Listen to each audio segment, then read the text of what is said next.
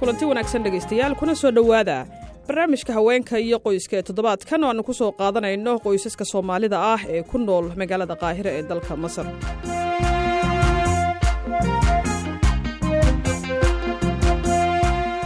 Qoysas badan oo soomaali ah ayaa ku nool magaalada qaahira kuwaas oo dalkaasi degay xilliyo kala duwan oo u badan wixii ka dambeeyey sannadkii kii dadka deggan magaalada qaahira ayaa isugu jira kuwo ka tegay soomaaliya iyo kuwo ka yimid dalal kale oo caalamka ah.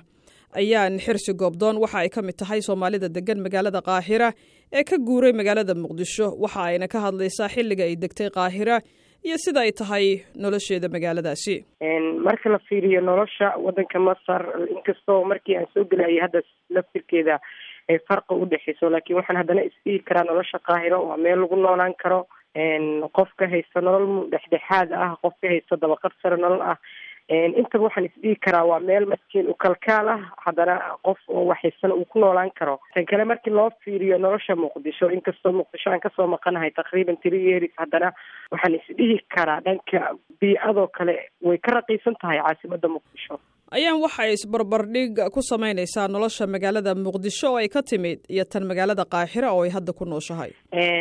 Markii loo fiiriyo qaahira qofka markuu guri taqriiban dadku boqol kiiba sagaashan dabcan guryo ma ku lahan wadankan ilaa dadka dibadahaas ka soo tego oo maalgashaday halkan oo guryo ka gatay marka laga reebo. Dadka intooda ugu badan waa dad wada ijaarata ah. Marka dhanka markii laga fiiriyo kale guryaha halka ay qaali ka tahay yani soomaaliya guryuhu aaday qaali uga yihiin. Marka loo fiiriyo binisbali masar masar guryaheedu aaday raqiis u yihiin. Dabcan tusaale ahaan qofku wuxuu ku noolaan karaa oo kale masalan familku hadduu family yar yahay oo kale masalan guri isku kaba wuxuu ku helayaa lacag raqiis ah halka muqdisho aysan suurtagal ka ahayn. Marka taasaa keenaysa in dhaqaalaha difference weyn uu udhexeeyo markii la isku fiiriyo muqdisho iyo qaahira marka markaad fiiriso qoyska ku nool gudaha soomaaliya ee qoyska dhexdhexaadka ah tiradiisa qoysaska soomaalida marka la fiiriyo isla qoyskaasoo kale haddii magaalada qaahiro uu degoo kale kee baad is leedahay nolol ahaan way u tahay. Wallaahi caasha cuuday horta wadankani oo ku noolnahay ma ahan wadan oo shaqo taalo oo lama dhihi karo.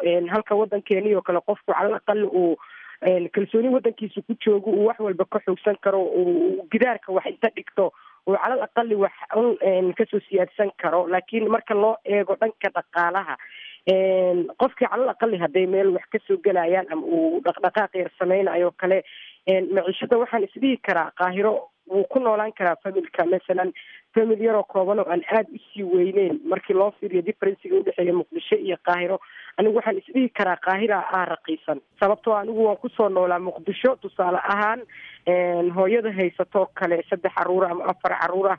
Marka loo fiiriyo muqdisho iyo qaahiro markay ku kala nooshaha waxaan isdhihi karaa qaahira raqiisan.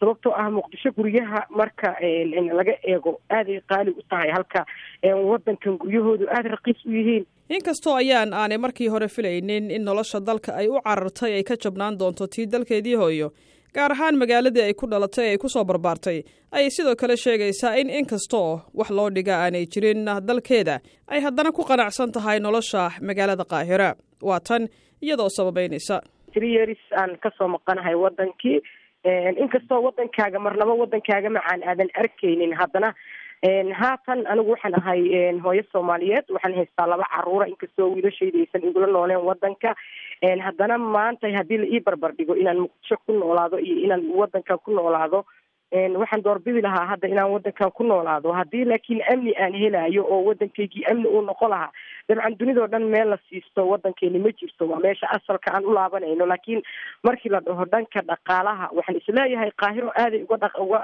uga roon tahay markii loo fiiriyo wadankeeni soomaaliya. Midda koowaad waxaan uga doorbidaya waxay tahay qofku amni markuu haysto waxay ila tahay waa waxa ugu qaalisan qofku markaas uu ku noolaan karo bilaa welwel uu ku noolaanayo marka taasaa keenaysa inaan ka doorbido wadankeeni waad og tahay oo dee amni ma haysano maanta dhan qalqal ku noolaa tahay. Laakiin halkan waxaa laga yaabaa inaadan waxba ka welweleynin sax waaye ma taala shaqo oo meel laga shaqaysanayo ma lahan ilaa in lagu caawinayo ama familku soo biilanayo ama haddaad xaas tahay qof markaas mas'uuliyadaada hay ku soo biilanayo maahane wax kale kaama soo gelayaan laakiin marka la eego masalan oo kale way jiraan gabdho ilmo yar ku haysto dhaqdhaqaaqo oo shaqooyin dadkan kaleoo dibadda ka yimid wax ka soo galaan oo iska shaqaysto way jiraan. Laakiin amnigaan isdhihi karaa waxa maanta aan uga doorbidayo. Sababtoo ah waxaan ku soo kacayaa amni waxaana ku jiifanayaa amni. Inkastuusan waddankaygi ahayn waddankaygii mar walba aan aan ka jeclaa lahaa inaan ku noolaado laakiin muqdisho waxaan ka aaminsanaha yacni amni la'aan maahane waddankayga meel loo dhigo ma jirtaan is leeyahay caashicood iyadoo ay jirto in nolosha magaalada qaahira ay uga jaban tahay tan magaalada muqdisho ay ayaan sheegaysaa in jabnaanta nolosha aanay ahayn sababta ugu weyn ee ay u degan tahay magaalada qaahira. Anigu hadda inta dunida aan joogo waa markii ugu horreysa oo waddankaygii hooye ka soo tago ficlan waan aaminsanahay muqdisho oo meel aan ku doorbidanaya ma jirto. Haddana waxaan ka soo maqanahay three years. Three yearskaas aan ku noolahay qaahiro saameynay igu yeelatay sababtoo ah waxaan dareemay qiimaha uu leeyahay amniga taasaa keenaysa marka inaan doorto inaan qaahiro ku sii noolaado. Inkastoo anigu hadda aanan deegaan ku ahayn oon ku ahay qof qaxootiya oo rabto inay ka sii tagto. Laakiin markii la dhaho si qabil nafsi soomaaliya markaan waa ku laabana dhaho xoogaa cabsiyaan dareemaya calishaan waddankaygii oo maalin kasta qaraxyo ka dhacayaan maalin kasta qof laga dilayo waddankeenu nolol way taal barwaaqa way taalaa laakiin caasha marka loo fiiriyo masalan oo kale markaad dawladdii oo kale ka shaqaynaysid waa ugaarsi badan aad aad aad ku soo waajahaya. Markaad saakoo kale gurigaagii ka soo baxdid ma tihid qof beri ah talow ciyaalkaagii ma ku laaban doontaa hooyada aabaha dib dambe ma ugu laaban doontaa. Cabsiyaad ku nooshahay. Marka laakiin marka loo barbar dhigo waddan kale inaad ku noolaaltid ficlan waddankaagu wuu kaaga kalsooni badan yahay. Inkastoo anigu qaahiro hadda uusan ahayn asalkaygii oo aqiiran dunida meesha ugu dambeyso tago aan u laabanayo ay tahay hamigayguna yahay inaan muqdisho u laabto. Haddana waan jeclaan lahaa inaan mar kale arko waddankaygii oo nabada. Ka sokow nolosha jaban iyo amniga. Waxaa jira sababo kale oo ay qoysaska soomaalida ah u degaan magaalada qaahira. Siduu inoo faahfaahinayo xuseen maxamed gaashaan oo muddo toban sano ku dhow deganaa magaalada qaahira. Soomaali badan waxaa jirta ankardigaha laga keeno caruurtooda oo wadamadaas kale laga keeno oo inta waxbarasho loo keeno si diinta u bartaan. Soomaaliya dad oo diinta yaqaano oo jaamacada ka baxaan joogaan macnaha meelay furteen oo saas macnaha oo carruurta soomaalida iyo kaas ahaan oo diinta loogu baraa. Soomaalida waxbarataa barta soomaalida waxbarataa joogto bartay waa alxamdulilah dad oo maanta diin aan garanayna laga keeno meelahaas dabeecado kale iyo waxyaabo kale hadda oo oo aan sheegi karin oo oo wateen intii mideen dugsiyadaasaa la geeyay oo dadka wax bartay soomaalida joogto meeshii waa alxamdulilah waa isku bedelaya ayaga ayagaa mahadinayaba alxamdulilah ilahi mahad gaashaan waa xirfadleh magaalada qaahire ku haysta goob lagu tolo dharka taas oo ay ku xiran yihiin macaamiil badan oo soomaali iyo ajaanibba isugu jira taas oo uu nolosha qoyskiisa ka soo saaro aniga waxaan ka shaqeeyaa harqaanan ka shaqeeyaa noloshayda aan ku dabaraa waana si oo caadi noogu socdaa shaqada noogu socotaa alxamdulilah shukru. Xirfadaas hore baa u watay macnaha waa weligaan ku shaqaysan jiray. Markaan arkay meesha inay ka banaan tahayna waxawaa noloshayda ayaan ku maareeyey.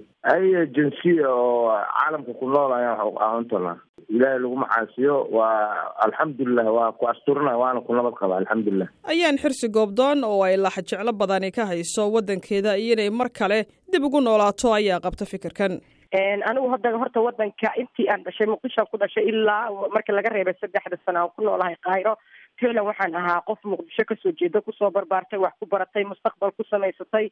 Ma aaminsani muqdisho inay tahay meel downjarosa oo laga cabsado laakiin haddana madaxda waxaan ku bogaadin lahaa waddanku wuxuu aas-aasmi karaa ama amni heli karaa ama qof walba uu ku soo kici karaa inuu waddankiisu amni yahay marka ciidamada yacni dhaqaal ahaan laga dhiso sababtoo ah ciidanku markuu baahan yahay wax walba way ka sursugaan laakiin marka ciidanka uu isaga wax walba oo markaas noloshiisa haysto ilan family ka soo toosay.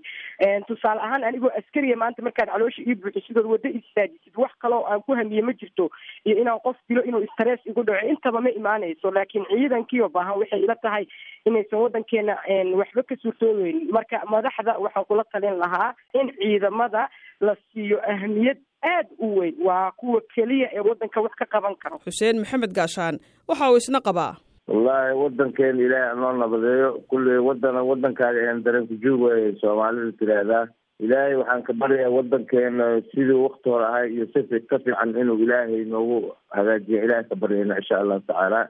Markee wadankaaga haddaa rabto shaaraca seexan kartaa? Haddaa rabtid macnaha cid islaama derbigeeda seexan kartaa halka waxa waaye waa waxaa ku qasban tahay inaa haddaadan haynin ankee aad dadka listaa oo kelida laga bixiy aad tiraahdaa marka waxa waaye wadankaaga iyo wadan kale isku mid maaha. Waa ilaahay wadankeena noo nabadayo ummadana ilaahay maslaxada allah tusiyo insha allah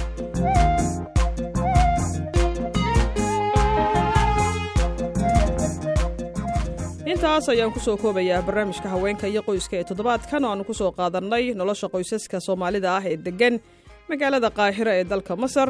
Intaan mar kale kulmayno waxaan idinkaga tegayaa nabadgelyo